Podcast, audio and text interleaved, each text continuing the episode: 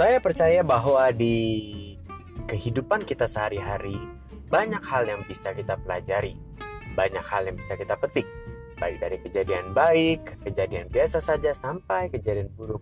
Pasti ada hal yang bisa kita petik.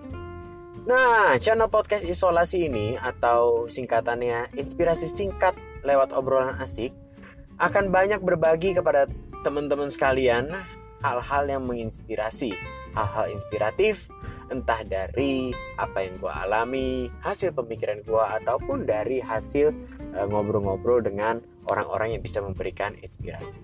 So, jangan ragu kalau mau dapat inspirasi singkat dan butuh podcast yang menyegarkan hati dan pikiran, yeah. jangan lupa subscribe isolasi.